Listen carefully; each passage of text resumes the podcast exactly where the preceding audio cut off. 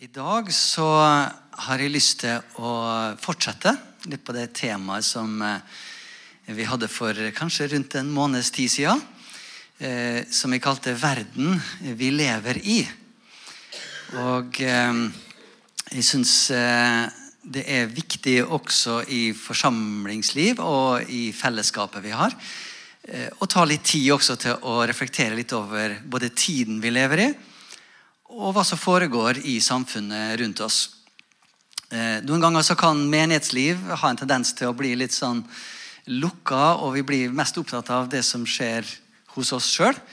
Men eh, jeg tror menigheten den skal være oppovervendt. Den skal være innovervendt, men den skal også være utovervendt. Så eh, den i sin natur skal alltid ha i hvert fall tre dynamikker gående litt sånn parallelt hele tida. Vi vender oss oppover mot vår himmelske Far og, og, alt det som har med himmelen å gjøre. og det, Å bringe himmelen ned eh, iblant oss. Eh, og så skal den også være innovervendt, hvor vi tar vare på hverandre og har omsorg. og, og, og pleier både fellesskap og åndelig liv sammen.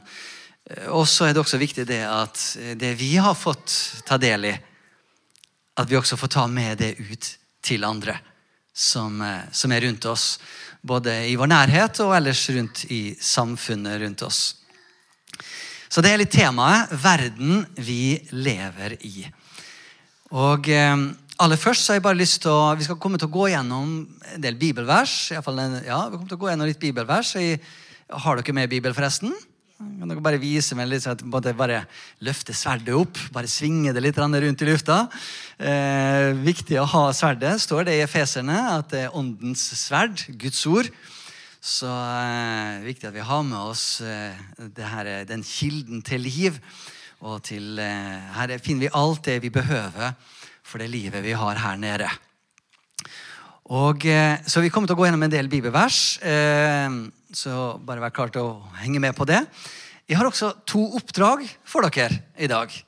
Så i dag så håper jeg det at vi skal få til en litt sånn ikke bare en, en preken kan lett bli en monolog. Men jeg håper det at vi skal kunne få skape litt en dialog også. Eh, hvor at du får være med og reflektere, og, og, og vi jobber oss litt gjennom det her temaet i sammen. Skal få vite mer om hva det innebærer etter hvert her. Eh, aller først har jeg bare lyst til å ta en sånn kjapp eh, oppsummering, ikke oppsummering, men bare en kjapp eh, tilbakeblikk eh, på noe av det vi gikk gjennom sist gang. Og eh, verden vi lever i, den er noe som jeg har gått og båret på egentlig lenge. Du kan gå to, to steg frem på presentasjonen. Eh, Erlend Indegård han hadde en, eh, en preken og en, en, temaserie for var det tre-fire år siden, kanskje. Jeg husker ikke akkurat nøyaktig eh, hvor lang tid, men iallfall en stund tilbake. Hvor han snakka om det med å bygge et hus i Babylon. Og eh, Det syns jeg var en veldig spennende og interessant tematikk sette den litt i kontekst av den verden vi lever i, og den, den tida vi lever i. Eh, og så er det gått og båret på også nå i seinere tid, eh, også den tematikken med eh, den verden og den tida som vi lever i nå. Og Hvordan skal vi forstå den, hvordan skal vi tolke den, og hvordan skal vi forholde oss til det som skjer? Skal vi trekke oss ut og på en måte holde oss på avstand, eller skal vi engasjere oss? Eller hvordan skal vi finne balansen i alle her tingene? Så Det er litt av det som vi ønsker å, å, å, å ta både meg sjøl og oss alle sammen i, i, i, fellesskap inn i denne tematikken. Du kan gå på neste. Neste tema der, ja. Og eh, jeg fant en, en, en, en uh, historie om en som heter Ben Shalit. Eh, en sjefpsykolog fra det israelske forsvaret. Eh, helt tilbake på 80-tallet hadde han et, et, et forskningsopplegg i, i, i Sverige. Eh, han var pensjonert, men jeg tok på seg et oppdrag der nå. Og da, eh, Du kan gå tilbake til prekenen jeg hadde sist, for da gikk jeg mer inn på det. Jeg kommer ikke til å repetere så mye av det. Men han tok frem tre, han løftet frem tre kriterier som er nødvendige for at en person, altså først og fremst en soldat, var første konteksten her. Hvordan skal en soldat kunne fungere godt i en stridssituasjon? Eller når det er reell fare eller en reell situasjon så er det tre kriterier som er veldig viktige for at en person, en soldat, men dette er også relevant inn i forhold til eh, det sivile livet også. Eh, ta sånn som f.eks. ambulansepersonell eller eh, si, oss hverdagsfolk. Eh, når vi opplever en krise eller en kritisk situasjon, så er det i hvert fall tre kriterier som er viktige for at vi skal kunne håndtere og takle den situasjonen på en god måte. og forhåpentligvis komme gjennom til et godt resultat eh, i den situasjonen. Og Det første er det at vedkommende må være klar over hva som står på spill. Må forstå hva som skjer. Det andre er det at en må kjenne seg sterkt personlig berørt. Så på en måte, det her gjelder meg. Eh, det her gjelder ikke noen andre. Så da bare går vi så på denne her filmen vi hadde, med de to første som bare gikk videre. Ja, De hadde sine refleksjoner og tanker hvorfor de gjorde det, men iallfall så engasjerte de seg ikke. Så denne her historien da om den barmhjertige samaritan. Så, så hva er det som eh, vi, vi må ha, Hvis en skal kunne få gjort noe positivt, så må en også kjenne seg personlig berørt og, og ønske å engasjere seg. Og Det tredje er det at en må ha en følelse av at en kan gjøre noe med situasjonen. Kan du gå til neste? Um, så det er, I grunnen kan en oppsummere med tre enkle punkt. Det å ha situasjonsforståelse, det å ha ansvarsfølelse og det å ha handlingsevne. Og så kan du gå på det neste. Når vi eventuelt mangler de tingene, så kan resultatet være det at vi at, uh, Årsaken òg kan være det at vi er blind. Vi kan ikke se, vi kan ikke forstå, vi kan ikke tolke det som skjer. og Derfor så, så uh, klarer vi ikke å få gjort noe med det. Eller vi gjør ting som vi kanskje ikke skulle gjort. Uh, det andre er likegyldighet. At vi, vi ser og forstår, men vi kanskje ikke bryr oss. Vi går bare videre. Det tredje er lammelse. Hvor vi ser og vil, men vi gir opp. Vi prøver, men vi føler det at det her blir for, eh, for vanskelig eller det er umulig. Vi kan ikke gjøre noe, og så gir vi opp, og så stopper det, stopper det der.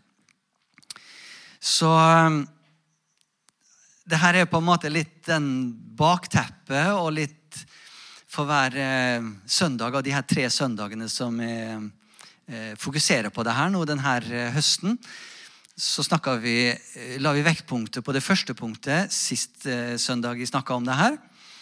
Og så I dag har jeg lyst til å legge vektpunktet på punkt nummer to. Det med å bli engasjert. Og engasjere seg i det som foregår. Ikke bli en passiv tilskuere som ser på.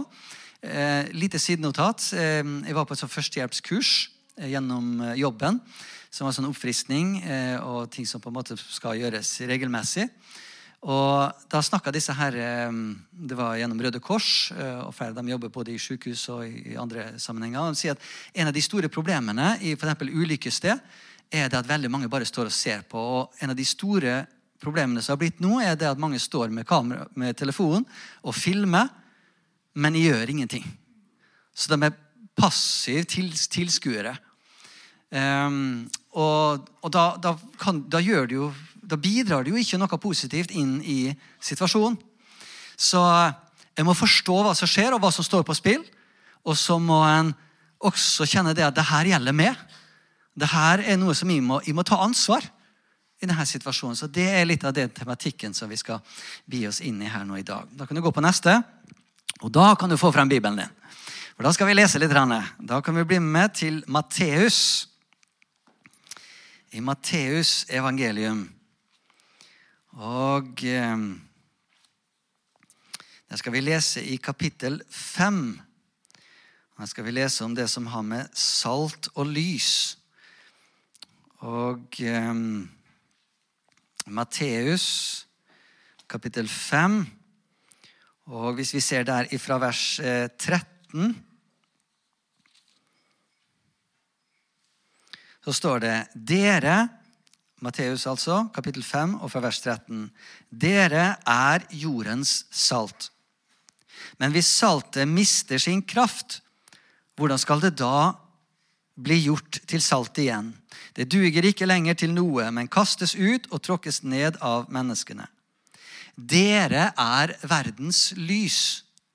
En by som ligger på et fjell, kan ikke skjules. Heller ikke tenner man en oljelampe og setter den under et kar. Nei, man setter den på en holder, så den lyser for alle i huset. Slik skal deres lys skinne for menneskene, så de kan se de gode gjerningene dere gjør, og prise deres Far i himmelen. Ok, Her er det to ting som Jesus gir oss en veldig tydelighet på. Han sier det at dere er jordens salt, og dere er verdens lys. La oss bare, bare si etter meg, så gjør vi en sånn liten bekjennelse. her. Jeg er jordens salt. Jeg er verdens lys. Det er litt et sånn personlig perspektiv. Noe for meg å kjenne etter og hm, Her er noe kanskje jeg må ta ansvar i forhold til, reflektere over, tenke hva betyr det her for meg? Men så kan vi si det på en annen måte også, som bringer en, en annen dimensjon i det her også. Og da kan vi si det her at vi er jordens salt. La oss si det. Vi er jordens salt. Og vi er verdens lys. Og skal vi gjøre det enda mer spesifikt, så kan hun si at vi i Nordvestkirka er jordens salt. Og vi i Nordvestkirka er verdens lys. Og Sånn kunne vi fortsatt da, og spesifisert det. og eh, Vi er Elnesvågens lys. og vi kunne liksom, Men du kan skjønne poenget. Det er noe som Jesus ønsker å formidle til oss i forhold til noe som vi ikke bare kan henge på en knagg og så si at eh, ja, ja, det får noen andre ta seg av. Eller det er noen andre sitt ansvar. Eh, jeg er jo altfor opptatt her, eller jeg har ikke tid til det, Og så vi kan, Det er mange refleksjoner og tanker vi kan, vi kan gjøre oss. Men når Jesus sier det her at vi er jordens salt, og vi er verdens lys, da er vi det hvis vi hører Jesus til, om vi fungerer i den rollen eller ei, det er en annen ting.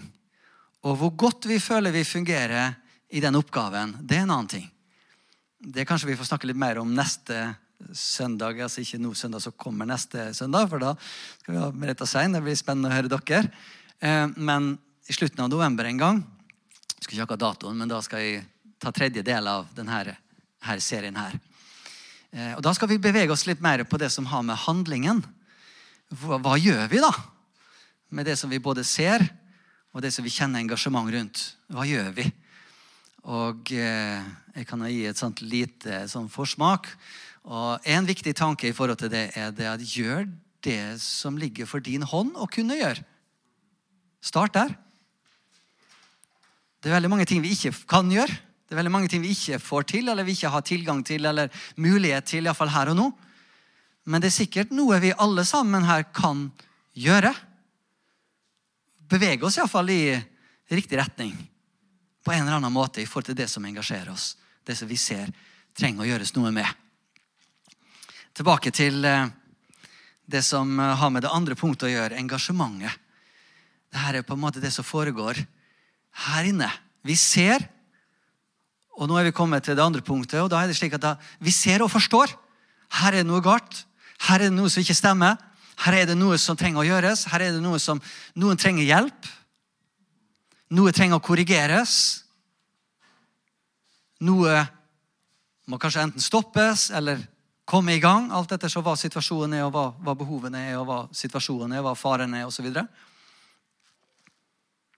og nå er vi litt her på punktet hvor at skal jeg forholde meg passiv i det her? Eller kjenner jeg det at det her berører meg? Og det er det neste jeg har lyst til å lede inn i. Hva er det som berører oss? Og Det leder til den oppgaven som dere skal få om et lite øyeblikk. Men før det så har jeg lyst til at dere skal lese noen bibelvers med meg. Og Da vil jeg at du først skal bli med til eh, Matteus kapittel 9. Vi er allerede i Matteus, og bare noen sider lenger frem her. I kapittel 9 og i vers 35 så ser vi det at eh, Jesus vandret omkring. Og La oss lese hva som står her. I Matteus kapittel 9 og vers 35. Jesus vandret nå omkring i alle landsbyene, øh, i byene og landsbyene. Han underviste i synagogene deres, forkynte evangeliet om riket og helbredet alle sykdommer og plager.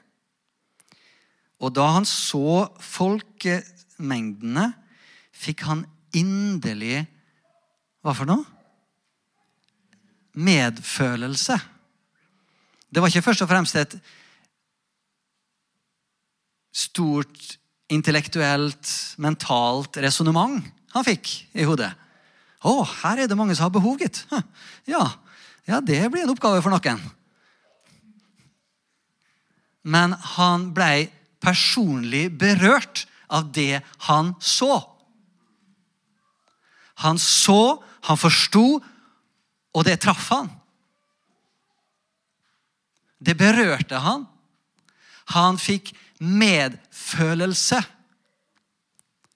En ting som jeg tenkte på nå når jeg bare kjørte til møtet her og reflekterte over det jeg hadde lyst til å dele i dag, bare sto det sånn for meg det at jeg tror ikke at det er noen historien som har gjort noe enten stort eller noe betydningsfullt uten at det har vært følelser involvert. Og Noen ganger så kaller vi det lidenskap. Ikke sant? Noen er lidenskapelig for noe. Det kan være alt fra oppfinnere til eh, dem som kjemper for fred og frihet og så videre. Det kan være mange forskjellige former av det. Men det er noe med lidenskap. Du får ikke gjort veldig mye uten lidenskap. For uten lidenskap, uten følelser, så er det en tendens til at vi gir opp før vi har kommet frem til målet. Og nå har Vi jo, vi snakker gjerne om det. Vi skal ikke vandre ved følelser, vi skal vandre ved tro. Men jeg tror det er viktig at vi ikke blande det her sammen også, hvor vi kanskje ender opp med å bare skyve følelser bort. For følelser er noe Gud har gitt oss. Akkurat samme som f.eks.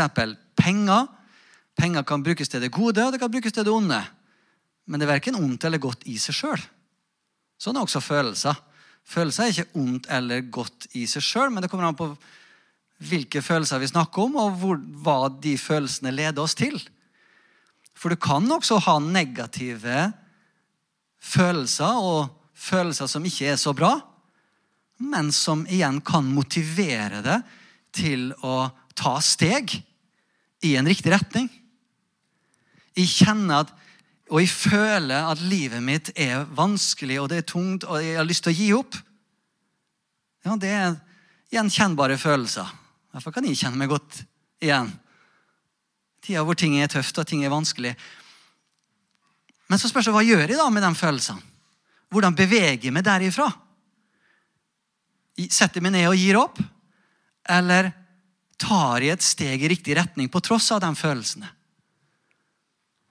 Og Så møter jeg de følelsene og så sier at ok, jeg har, jeg har, ikke lyst jeg har lyst til å gi opp, men jeg tar et steg likevel. Og Jeg har lyst, fortsatt lyst til å gi opp, men jeg tar, fortsetter å ta et steg likevel. Og så jobber en seg litt sånn steg for steg. Kanskje noen små steg, kanskje ikke så store steg i gangen. Og så etter hvert så opplever en det at å, nå begynner jeg faktisk å letne litt. Begynner faktisk depresjonen eller motløsheten eller omstendighetene begynner å løsne litt. Ting begynner å se litt klarere. Jeg begynner å se litt klarere, og så beveger han seg litt sånn steg for steg. La oss gå tilbake til teksten. Og Da han så folkemengdene, fikk han inderlig medfølelse med dem, for de var forkomne og hjelpeløse som sauer uten gjeter. Da sa han til disiplene sine, høsten er stor, men arbeiderne er få. Be derfor høstens herre sende ut arbeidere for å høste inn grøden hans. Der ser vi det, det er følelsesmessige prosesser som skjer i Jesus. Som igjen leder til handlinger. Bli med meg også til ehm, eh, kapittel 23 og vers 1. I Matteus fortsatt. 23 og vers 1. Her ser du en annen type følelser som kommer opp på innsiden av Jesus. I vers 23, kapittel, eh, kapittel 23, vers 1, så talte Jesus til folket og til disiplene og sa på stolen til Moses sitter de skriftlærde og fariseerne. Alt det de sier, skal dere gjøre og holde. Men det de gjør, skal dere ikke rette dere etter. For de sier rett og gjør noe annet. De binder tunge byrder som ikke er til å bære, og legger dem på skuldrene til folk, men selv vil de ikke løfte en finger for å flytte dem. Og så kan du på egen hånd lese gjennom hele kapitlet her. Eh, og det har vært interessant å, vise tonen og hvordan Jesus uttrykte denne prekena her. Jeg tror nok at det var ganske skarp tone han hadde der. Så her ser vi et følelse av sinne, kanskje, eller av, av eh, frustrasjon, irritasjon, eller hva på en måte. Noe, han hadde iallfall en reaksjon på noe. Det her er ikke greit. Det her er ikke bra. Og det var på en måte noe som bevegde seg i Jesus som det var en reaksjon mot noe som kom til uttrykk. Så det er interessant med Jesus at han hadde alltid riktig balanse i det her. I forhold til både det å ha følelser, men også det å tale sannhet, gjøre det rette på rett måte i rett tid.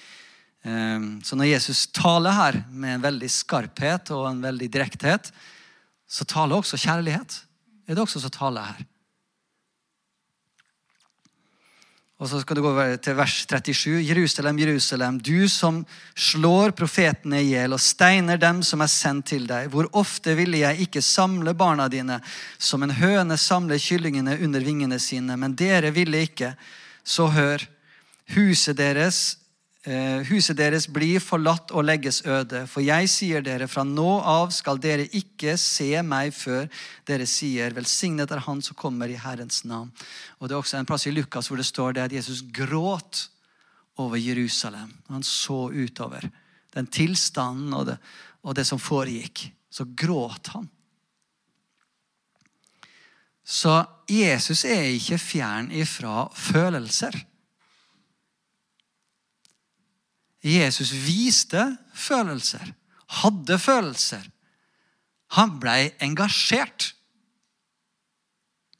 Og det er greit for oss òg. Det er ok å bli engasjert. Og det leder meg til eh, første oppdraget i dag. Og mens vi gjør det oppdraget, så tenkte jeg at vi skulle få en, en sang også. Eh, da trenger jeg litt hjelp av jeg vet ikke om det er noen møtehjelpere her. Eh, men eh, vi trenger Kjetil eller noen kan bare hjelpe meg å dele ut eh, en sånn til alle. Eller kan dele ut to stykker til alle, faktisk, for de har en oppgave til dere litt seinere også. Eh, men det andre arket kan dere bare la ligge til litt seinere. Det jeg har lyst til at dere skal gjøre nå Dere kan gå til neste slide. Og Det arket her som dere skriver på nå, det skal dere ta vare på sjøl. Det skal ikke leveres inn. Det er arket litt seinere. Det har jeg lyst til å, at dere eh, skal vi samle inn eh, etterpå. Men det arket her, eh, det vil jeg at det du skriver på det, det skal du ta, ta vare på. Legg det i Bibelen. Og la denne refleksjonen vi gjør sammen nå, og du gjør personlig, få være kanskje et startpunkt på å reflektere enda mer over hva er det som berører det. Nå hørte vi litt om Jesus, hva som berørte han tenkte også jeg skulle lese litt om Nehemia, eh, men det kan du gjøre i første kapittel i Nehemia. Så står det om det budskapet som Nehemia fikk. Og når han hørte tilstanden i Jerusalem, og hvordan murene var revet ned, og hvordan ting var, så gråt han. Nehemia ble så berørt av det han hørte, at det, det på en måte ikke en rett måte å si det på, men det knuste noe på innsida av han, eller at det var noe som på en måte gikk veldig djupt i Nehemia.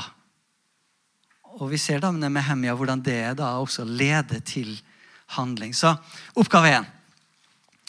Hva i samfunnet er det som beveger, berører det følelsesmessig?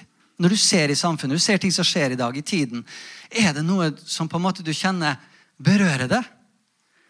Og i gult der så har jeg skrevet litt forskjellige typer følelser. Og hva som du kjenner relevant og ikke, det, det får bare du kjenne etter sjøl. Men noen ganger så kjenner vi at vi, vi blir sint og frustrert over ting vi ser. Noen ganger så blir vi sorgfulle og lei oss. Andre ganger så kjenner vi medfølelse og empati eh, med ting. Andre ganger så blir vi fortvila, kanskje litt motløse over det vi ser i samfunnet. Andre ganger kanskje blir vi fryktsomme og urolige. Eh, og vi kanskje blir litt alvorlige og bestemt rundt forskjellige ting. Vi snakker litt sånn i bestemte former når vi omtaler visse ting som skjer i samfunnet. Skriv det ned. Skriv ned det som du kjenner. Hva er det som berører det? Kanskje det kan være en ledetråd til noe som Gud kaller det til å gjøre noe med? I en eller annen skala, på en eller annen måte. Pennen For det som penn ligger her, forresten. Ja, her ligger penna. Hvis noen trenger eh, penner så Så bare la oss ta litt tid. For en av de viktigste tingene for meg det møtet her, er at det ikke bare blir en, nok en preken som blir glemt halvveis ut i neste uke, men at noe i dette møtet får berøre og bevege noe som du tar med deg videre. Og hva hvis vi som forsamling kan få kjenne etter og finne hva, hvor, hvor er det hva, Hvilke punkt er det som berører meg i samfunnet? Og så Kanskje Gud kan bringe noe frem ut av det. Som kan være til velsignelse, og som kan være med på å kanskje skape endring. Både i eget liv, i egen familie, i nære relasjoner, og kanskje lengre. Alt etter hva Gud måtte legge til rette til. Så mens dere bare gjør det, fyll ut, reflekter over det, så skal vi få en sang her nå. Vær så god. Gud,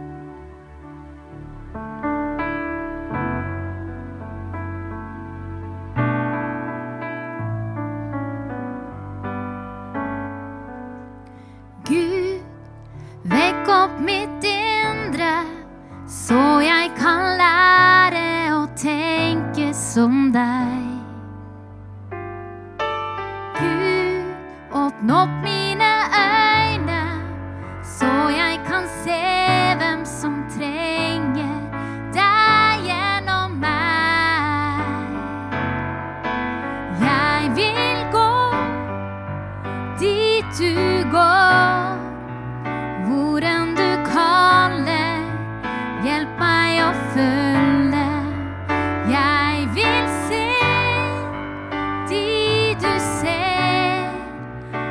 hvert knuste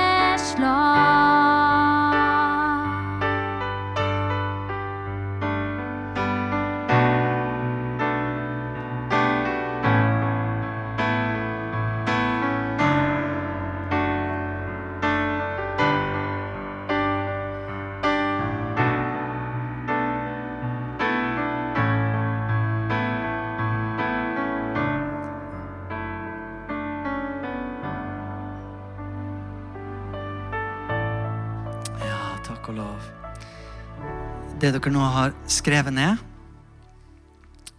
brett det sammen, putt det i Bibelen kanskje, ta vare på det. Det jeg håper dette kan være et sånn startpunkt. Hva er det som følelsesmessig Hvis du skal du og vi sammen skal kunne være salt og lys, hvis vi skal kunne være på en eller annen måte dem som er med å skape endring, så må vi først se og forstå. Og så må vi kjenne at det her gjelder meg. Og da, da, tenker jeg på at det er greit å starte ikke å tenke på hva, hva som er viktig for alle andre. Men kjenn etter sjøl i ditt hjerte. Hva, hva, er det som berører det? Hva er det som berører meg? Hva er det jeg ser? Hvilke behov ser jeg? Eh, hvilken nød ser jeg? Hva er det jeg ser rundt meg? Hva er det jeg kjenner når det kommer på nyhetene? Så kjenner jeg, å, det der det der gjør at de kan gråte. Det der gjør at de kjenner sånn sorg når de ser det der. Eller de blir sint, de blir irritert. De blir frustrert når de ser de tingene der, eller de hører de tingene der. Noter de tingene ned. Løfte frem for Herren og la Herren få Spør Herren Herre, hva er det med det her? Hva er det som gjør at de reagerer på de tingene. For det er En ting som jeg synes er litt fascinerende, er det at vi reagerer noen ganger gjerne på forskjellige ting. Og vi er lidenskapelige kanskje på litt forskjellige områder. Og det er litt av det fascinerende med kroppen, menigheten, fellesskapet. At eh, når vi lar oss berøre, og vi lar oss engasjere i sammen, så tror jeg vi kan bli en, en kraftkilde til forandring. Både i fellesskapet, vårt eget fellesskap, i nærmiljø og nærsamfunn og kanskje lenger utover. Alt etter hva Gud gir oss nåde til. Men det starter med prosesser i våre egne liv og i sammen. Hvis noe skal vokse seg til større. En ting er sikkert, og det er at vi har behov i tida vår for, for at et folk reises opp og møter de utfordringene som, som vi ser i tida vår og i samfunnet vårt. Eh, bli med til Ester. Jeg har lyst til å bruke litt tid på å, å se inn i denne historien om Ester og Mordekai. Så bli med meg, slå opp i Bibelen, til Esters bok. og vi eh, kommer til å lese litt forskjellige deler der. Eh, anbefaler gjerne i uka som kommer nå, hvis du har mulighet og du har lyst til det, les gjennom hele Ester.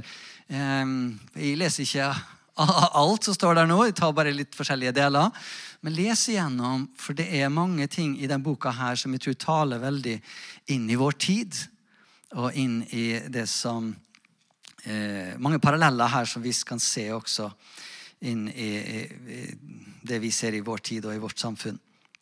Ok, Først har jeg lyst til at vi skal gå til eh, kapittel 2 og i vers 5.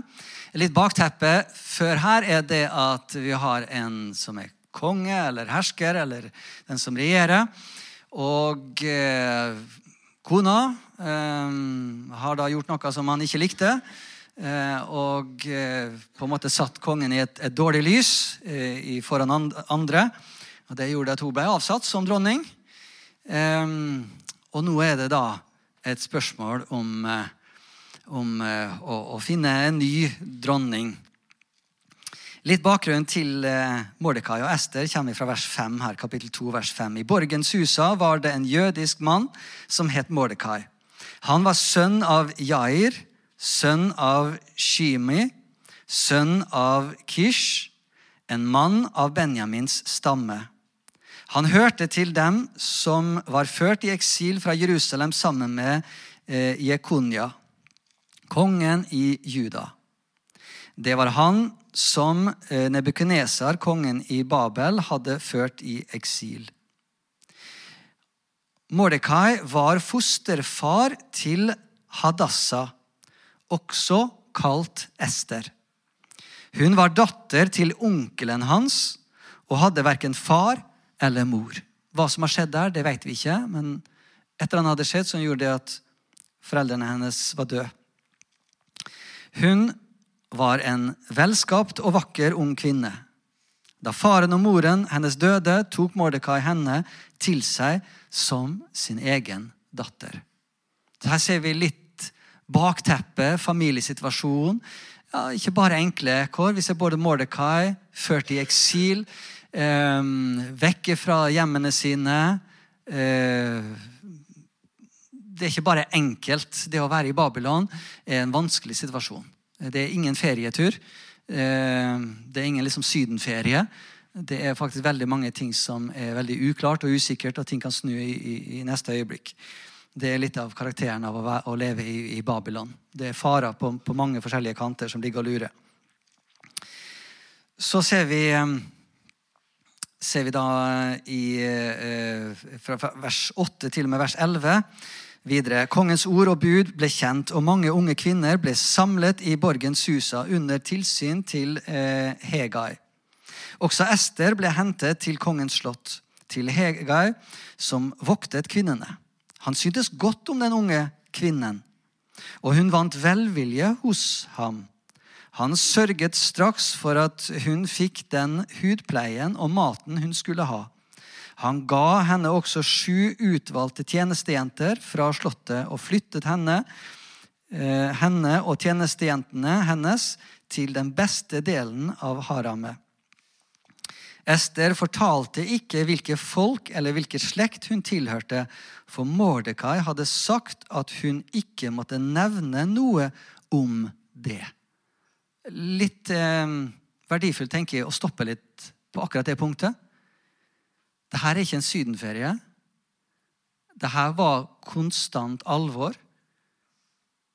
Hvorfor er det Mordekai uttrykkelig sier til Ester ikke si noe om din bakgrunn og ditt utgangspunkt som jøde? Det gir oss et lite glimt inn i usikkerheten og den spenninga som var en realitet for jødene i Babylon. Hver eneste dag gikk Mordekai frem og tilbake utenfor forgården til Haramet for å finne ut hvordan Ester hadde det. Selv om han ikke var den ekte far, så hadde han helt klart et farshjerte for Ester. Og hva som ble gjort med henne. Så han ville vite og ville følge med og, og, og passe på henne. Så kan vi gå til to vers 15. Eh, så kom turen til Ester, datter av Abihai Ja, det var et navn der. Ikke helt å uttale. Eh, som var onkel til Mordekai. Han som hadde tatt henne til seg som sin egen datter. Da hun skulle gå inn til kongen, ba hun ikke om annet enn det kongens evenuk, Hegai, den Eh, som voktet kvinnene, hadde eh, foreslått. Og alle som så Ester, fikk godvilje for henne. Legg merke til også eh, Du legger merke til i teksten her at det fins ei hånd i her som er forbi det menneskelige. Det finnes en guddommelig hånd som beveger seg også i her. Ester ble hentet til kong Xerxes i slottet hans i den tiende måned, i den måneden eh, Tebet, i det sjuende regjeringsåret hans. Kongen elsket Ester mer enn alle andre kvinner. Hun vant velvilje og gunst hos ham fremfor alle de andre jomfruene. Han satte en kongelig krone på hodet hennes og gjorde henne til dronning i stedet for um, vas, va, Vasiti. Vashti.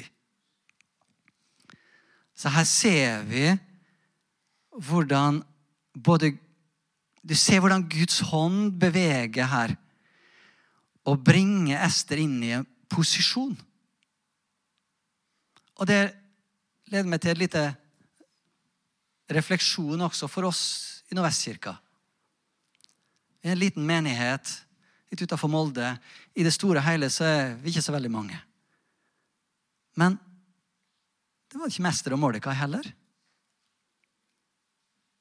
Og Gud virka med sin visdom for å posisjonere og plassere Ester der han ville ha henne. Og Mordekai der han ville ha han.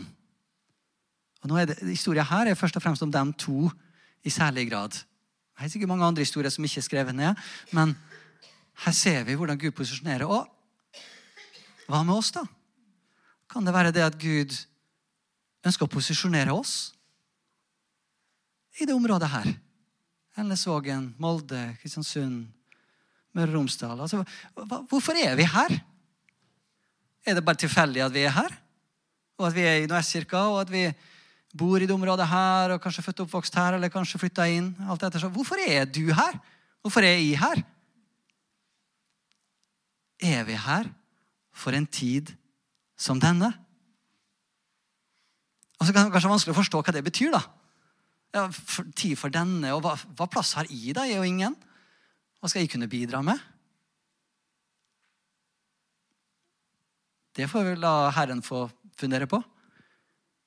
Men hvor, hvordan ønsker Gud å plassere og posisjonere oss i samfunnet rundt oss? For hvis vi skal være salt og være lys, så trenger vi også å være der Gud vil ha oss til å være salt og lys. Og fortsettelsen på den samtalen må du fortsette med Herren sjøl. Jeg vet ikke hvor du skal være, men Herren veit. Herren veit hva din plass Herren veit hvilke mennesker som han leder i din vei. Og inn i relasjon med det. Så hvorfor er du der du er? Hvorfor er vi her i det området? Vi kunne vært i mange andre plasser rundt om i verden. Hvorfor er vi akkurat her? Ok, la oss gå videre. Så i historien her så ser vi da at det kommer et skifte. Nå ser vi da at alvoret for jødene under Babylon og det fangenskapet Her ser vi da en, en synliggjøring av mange av de farene, en av de farene og en av de, de vanskelige tingene for dem i den situasjonen. Og Da kan vi lese i kapittel 3. Um, ehm, og i kapittel, ja, kapittel 3 og fra vers 1 til og med vers 6. I en tid etter ga kong Serkses høyere rang til Haman, sønn av Hamedata, eh, Agagitten. Han hedret ham og satte ham høyere enn alle stormennene som var sammen med ham. Alle kongens tjenere i slottsporten falt på kne og bøyde seg ned for Haman, for det hadde kongen befalt. Men Mordekai falt ikke på kne og bøyde seg ikke. Ok, Det var vel greit. Det er jo sydenferie, det. så ikke sant? Om du, noen går forbi, og du ikke bøyer den andre gjør det, så var det like greit, det. Ok, Var det her sydenferie, eller var det her noe helt annen setting? La oss lese videre. Kongens tjenere i slottsporten spurte Mordekai, 'Hvorfor bryter du kongens bud?' De snakket til ham dag etter dag, men han hørte ikke på dem. Da fortalte de det til Haman for å se om Mordekais begrunnelse ble godtatt. For han hadde fortalt dem at han var jøde. Det var grunnen til at Mordekai ikke bøyde seg for Haman. Så av en eller annen samvittighetsgrunn Og her da aller mest sannsynlig samvittighetsgrunn innenfor Gud og innenfor den tro som han bar på så var det en, en reell hverdagssituasjon hvor han kjente at nei, her går det ei grense. Det her kan ikke være med på. Det her kan ikke bøye med. Jeg skjønner at de blir bedt om å gjøre det, men jeg kan ikke gjøre det. Og legg merke til når, når vi velger å gå imot strømmen, så kan det ha konsekvenser. Og det tror jeg ikke vi skal ta lett på. Samtidig så er det veldig viktig å ta vare på samvittighet. Mister vi en ren og god samvittighet, så mister vi noe veldig viktig og grunnleggende. Ikke bare som troende, men også som menneske. Da Haman så at Mordekai ikke falt ned på kne og ikke bøyde seg for ham, ble han fylt av sinne. Men han syntes det var for lite Legg merke til her. Han syntes det var for lite å legge hånd på bare Mordekai. De hadde fortalt ham hvilke folk Mordekai hørte til, og nå ville Haman utrydde alle jøder. Folket til Mordekai i hele riket til kong Ekserksus. Så her ser vi det at én persons valg av å stå imot berører ikke bare den ene. Det berører alle hans folk.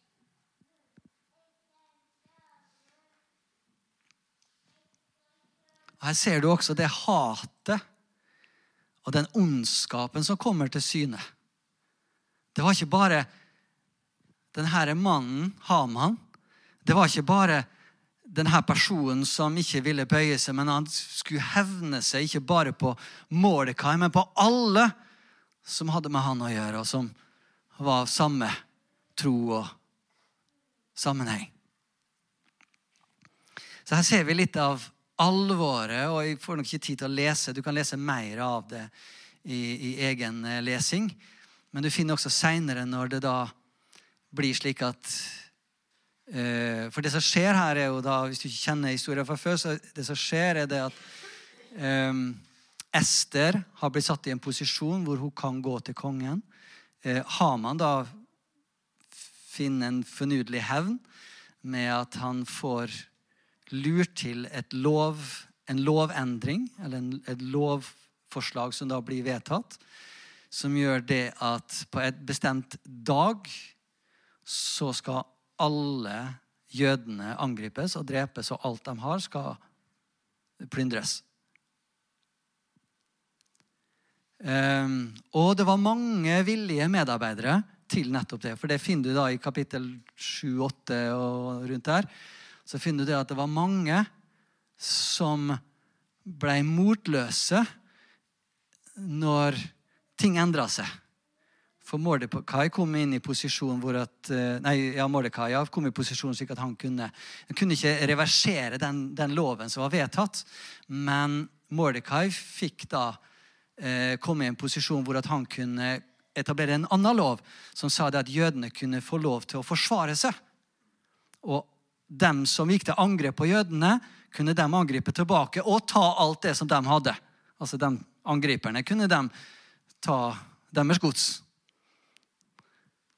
Så, og det kommer frem i teksten at, at, det, at det var mange, eller iallfall det var et stort antall, som gjerne ville få jødene bort. Det var ikke bare Haman og noen få andre. Det var mange i landet. Så det var vesentlig at de fikk muligheten til å forsvare seg. Det som jo da er den sentrale delen av denne historien, er jo da hvordan Vi kan bare lese kanskje den mest sentrale delen, som har med den villigheten som etter hvert eh, Ester viser. Først så blir hun grepet av frykt og, og, angst i forhold til det som den loven skal komme, og hun forstår det at, at eh, hun er jo på en måte litt trygg fordi at ingen vet at hun er jøde. Fordi Mordecai har sagt at hun skal ikke si det til noen. Så hvis hun bare kan holde det skjult, så er hun på en måte trygg. Og det er litt den eh, dialogen som, eh, som vi får i, vers, i kapittel fire. Eh, og hvor eh, da eh, Mordecai snakker til Ester og sier det at du er i en posisjon til å snakke med kongen og med den som kan gjøre noe med det her. Fordi lederen har en underleder som vil ha alle jødene utrydda. Men du er i en posisjon Du kan gå foran kongen, men det som var da det farlige for, for uh, Ester, var det at hvis at kongen ikke likte at hun kom foran han av en eller annen grunn, så kunne det være dødsstraffa for henne. Så eh, Du kan lese litt mer om selve, selve, prosessen her nå, men hvis vi går til eh, Skal vi se vers 12, 4.12. Da fortalte Mordekai hva Ester hadde sagt. Mordekai ba ham si, altså han som var sendt til Ester, som skulle komme tilbake med et budskap til Ester fra Mordekai, tro bare ikke at du som den eneste av jødene skal berge livet fordi du er i kongens slott. For om du tier i denne tiden, vil hjelp og redning komme til jødene fra et annet sted, mens du og ditt fars hus vil gå til grunne. Og hvem vet om det ikke er for en tid som denne at du har fått dronningrang? Kan det være at det er en annen grunn enn at du bare er vakker? Og at du har slått kongen swept him mandary's feet, noe som heter, ikke sant? Altså bare, han bare ble så forelska i henne at det var, det var bare hun, altså. Ingen andre. Bare hun han ville ha. Var det bare fordi at hun var så flott? Hadde så, var fin og var, førte seg på en god måte? Og, og, eller var det for en større hensikt? Hvorfor er du der du er? Hvor ønsker Gud å plassere oss? Og så ser vi da at eh, Ester bestemmer seg for at og greit, jeg, er villig til å ta ansvar. Dette gjelder ikke bare alle de andre jødene. Dette gjelder meg. Og Da er vi tilbake til det temaet som er for i dag. Gjelder det her meg? Er følelsesmessig berørt av det som skjer? Og du ser i forskjellige deler av teksten her, så finner du at, at Ester hun, hun har en nød for sitt folk. Når hun går foran kongen, så, så stiller hun seg på en måte i gapet for sitt folk. På vegne av sitt folk og ber om nåde, ber om hjelp. Vil du se med nåde til meg og mitt folk? Så Ester er personlig berørt, Mordekai er personlig berørt. Og hele denne historien vender seg da til en stor seier som jødene hvert år rundt mars markerer. Den feiringen heter Purim. Og eh, hvert år så minnes de denne redningen. Mordekai, Ester og hvordan de sto i gapet med sitt liv på spill. De visste ikke hvordan ting kom til å gå. Det er veldig enkelt når du kan gå til slutten av boka og så leser du bakover. Eller fremover, eller hvordan du tenker det. Men når du står foran valget og du ikke veit hvordan dette kommer til å gå Sabrap Mesak og Abednego, som møtte ildovnen, de visste ikke om de kom til å komme ut av den ildovnen eller ikke. Men de var villige til å gjøre det rette og stå for det rette. Amen. Så det er litt av denne historien om, om, eh, om Ester og Mordekai, som også handler om det her med å ta ansvar. Så det her gjelder ikke bare alle andre. Jeg kan ikke bare sitte stille på sidelinja og late som at det ikke skjer. Jeg må gjøre noe. Og jeg, for Ester så var det at hun visste hva hun kunne gjøre. Så kan det være med oss òg. Uh, uten å sammenligne oss med andre, så kan vi si hva, Herre, hva er det du sier til meg? Hva er det jeg kan gjøre i min situasjon, i, i min innflytelse, i min setting? Og så kan vi ta steg derifra. Ut i det samfunnet, ut i det, den regionen som vi er i. Og det leder meg til den andre oppgaven. Så nå går vi på vei inn for landing her. Eh, men hvis jeg gjør ei oppgave til, og Det leder han til, det tilbake til det engasjementet En ting er Mordekai og Ester for flere tusen år siden. Men hva med tiden i dag? Hva med det samfunnet vi lever i? Er tiden vi lever i, også litt Babylon? Har vi også aspekter? Fins det fortsatt ondskap og hat og ting i denne verden som ikke gagner, men som ødelegger og river ned. Ser vi det? Berører det oss? Er det noe vi kan gjøre? Er det noe jeg kan gjøre? Og da har jeg lyst til at eh, Hvis alle sammen har et ark til Det er ark nummer to. Hvis dere ikke har det, så bare rekk opp ei hånd. Og hvis du trenger ei penn, eh, rekk opp ei hånd igjen. Og så kan du gå til eh, neste slide.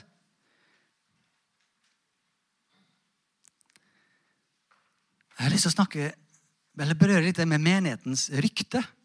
Jeg tenker, Åh, Hva har det med det her, da? Går det vel en helt annen retning?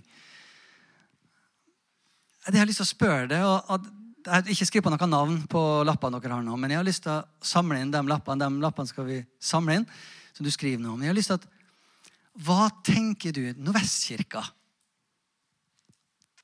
Nordvestkirka Elnesvågen. Hva har vi lyst at folk i Elnesvågen, i Molde, Eide, Averøy, i områdene rundt her nå, skal tenke når de hører Nordvestkirka?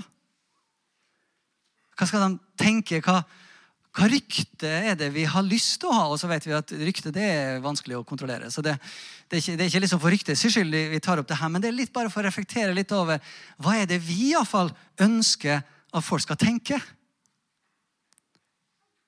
Nordvestkirka, ja. Ja, det er dem som prikk, prikk, prikk. Eller i Nordvestkirka, ja. Ja, der er det slik og slik. Prikk, prikk, prikk. Hva er det du kjenner at du skulle ønske å høre liksom gjennom jungeltelegrafen? At folk snakker. Og folk liksom skriver på Facebook og Twitter og eller noe andre plasser der folk snakker sammen. Ikke sant? Og jeg vet jo det at det er jo litt både og. Men, og noen ganger så kan jo folk si litt sånn, litt sånn nedlatende ting. Ja, dem er litt sånn og sånn. Mens vi kanskje tar det som et kompliment. Alt etter så hva de sier. Så tenk litt. Renne. Reflekter litt over hva er det som, hva ønsker du når Vestkirka skal være kjent for. Og da er det to ting. A. I regionen, altså kommunen vår og kommunene rundt og fylket. Og så har jeg lyst til B. vil du skal skrive ned, hva er det du har lyst til at Nordvestkirka skal være berykta for i den åndelige verden. A og B. Kan du være med meg og reflektere litt over det? For det tenker gir oss litt sånn ideer og litt tanker om hvordan har vi lyst til å være med og berøre samfunnet rundt oss. Hvordan har vi lyst til å være med og skape et fottrykk i vår tid, i vår generasjon, i vår, vår setting. Hva er det vi har lyst til å høre? Og så tror jeg vi alle sammen har litt forskjellige ting som vi går og bærer på. Som vi har lyst til å se virkeliggjøres. Og lyst til å kanskje se forløst igjen i og gjennom forsamlingen vår og menigheten og fellesskapet. Så tar vi en sang til, og så um, skal vi, skal bare lese et par bibelvers etter at vi har hatt en sang, og du har fått eh, notert litt av det ned. Og så skal vi gå inn for landing etter det.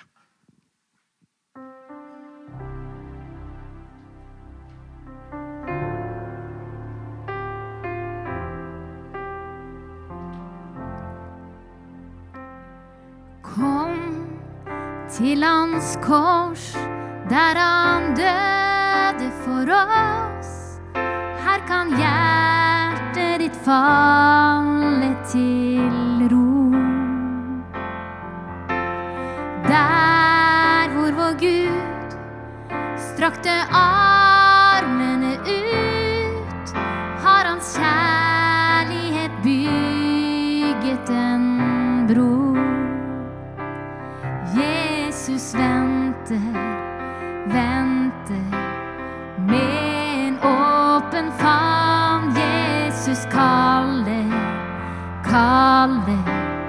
kaller deg ved navn. Jesus ønsker, ønsker å vise hvem han er. Jesus venter på deg her. Så kom som du er, for han nåde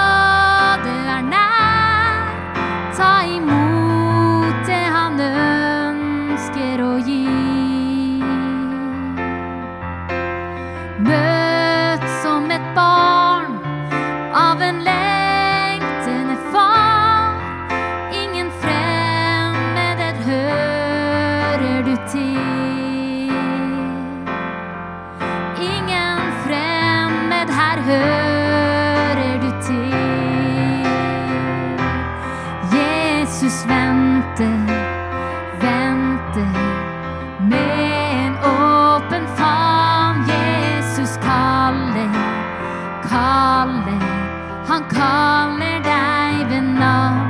Jesus ønsker, ønsker å vise hvem han er. Jesus venter på deg her. Amen. Um, kan du ta det arket, og så bare bretter du det sammen en gang? Og så, Kjetil, jeg vet ikke om du kan hjelpe meg bare å samle inn de arkene. Um, og så har jeg lyst til å bare lese ett bibelvers til vers til slutt. I Matteus kapittel 4, vers 23 og 24 og 25 er det vel. Eller er det 24? 23 til 24 og 25, tror jeg det. Um, der står det iallfall, og så har jeg gjort en liten vri. Um, ja, bare lese det en gang først. Jesus helbreder mange syke, er tittelen. Jesus gikk omkring i hele Skal vi se, hvis vi nå har lest uh, Skal vi se um, Vers 23 Skal vi se Ja. Vers 23, Matteus 4. Siden dro Jesus omkring i hele Galilea. Han underviste i synagogene deres, forkynte evangeliet om riket og helbredet all sykdom og plage hos folket. Ryktet om han spredte seg over hele Syria, og de kom til ham med alle som hadde vondt og led av forskjellige sykdommer og plager, både de som hadde onde ånder, de månesyke og de lamme. Og han helbredet dem. Store folkemengder fulgte ham fra Galilea og Dakapolis eh, fra Jerusalem og Judea og fra landet bortenfor Jordan. Eh, Jeg har bare lyst til å lese det med en alternativ eh, tekst. Og jeg tror dere skjønner når jeg, leser det her. Ehm, og bare litt til det her. Jesus gikk omkring i hele Molde- og Ennesvågen-området. Underviste i kirkene deres og forkynte evangeliet om riket og helbredet alle slags sykdommer og alle slags skrøpeligheter i folket. Og ryktet om han spredte seg ut over hele Møre og Romsdal. Tenk på det. Og de bar til ham alle syke mennesker eh, som led av forskjellige sykdommer og plager. Både dem som var demonbesatte, månesyke og lamme. Og han helbredet dem. Store folkeskarer kom til tro og fulgte Jesus. Fra Helnesvågen og fra Eide og Molde og Kristiansund og fra områdene bortenfor Nordmøre, Romsdal og, Nord og Sunnmøre. Wow, bortafor, altså. Fylket vårt. Gud kaller oss til å engasjere oss i det som ligger ikke bare i forsamlingen, men også utenfor. Så la oss vende oss inn for Gud og be en bønn til slutt. Himmelske Far, jeg bare takker deg for at du hjelper oss til å åpne våre øyne, så vi kan se og vi kan forstå hva som skjer.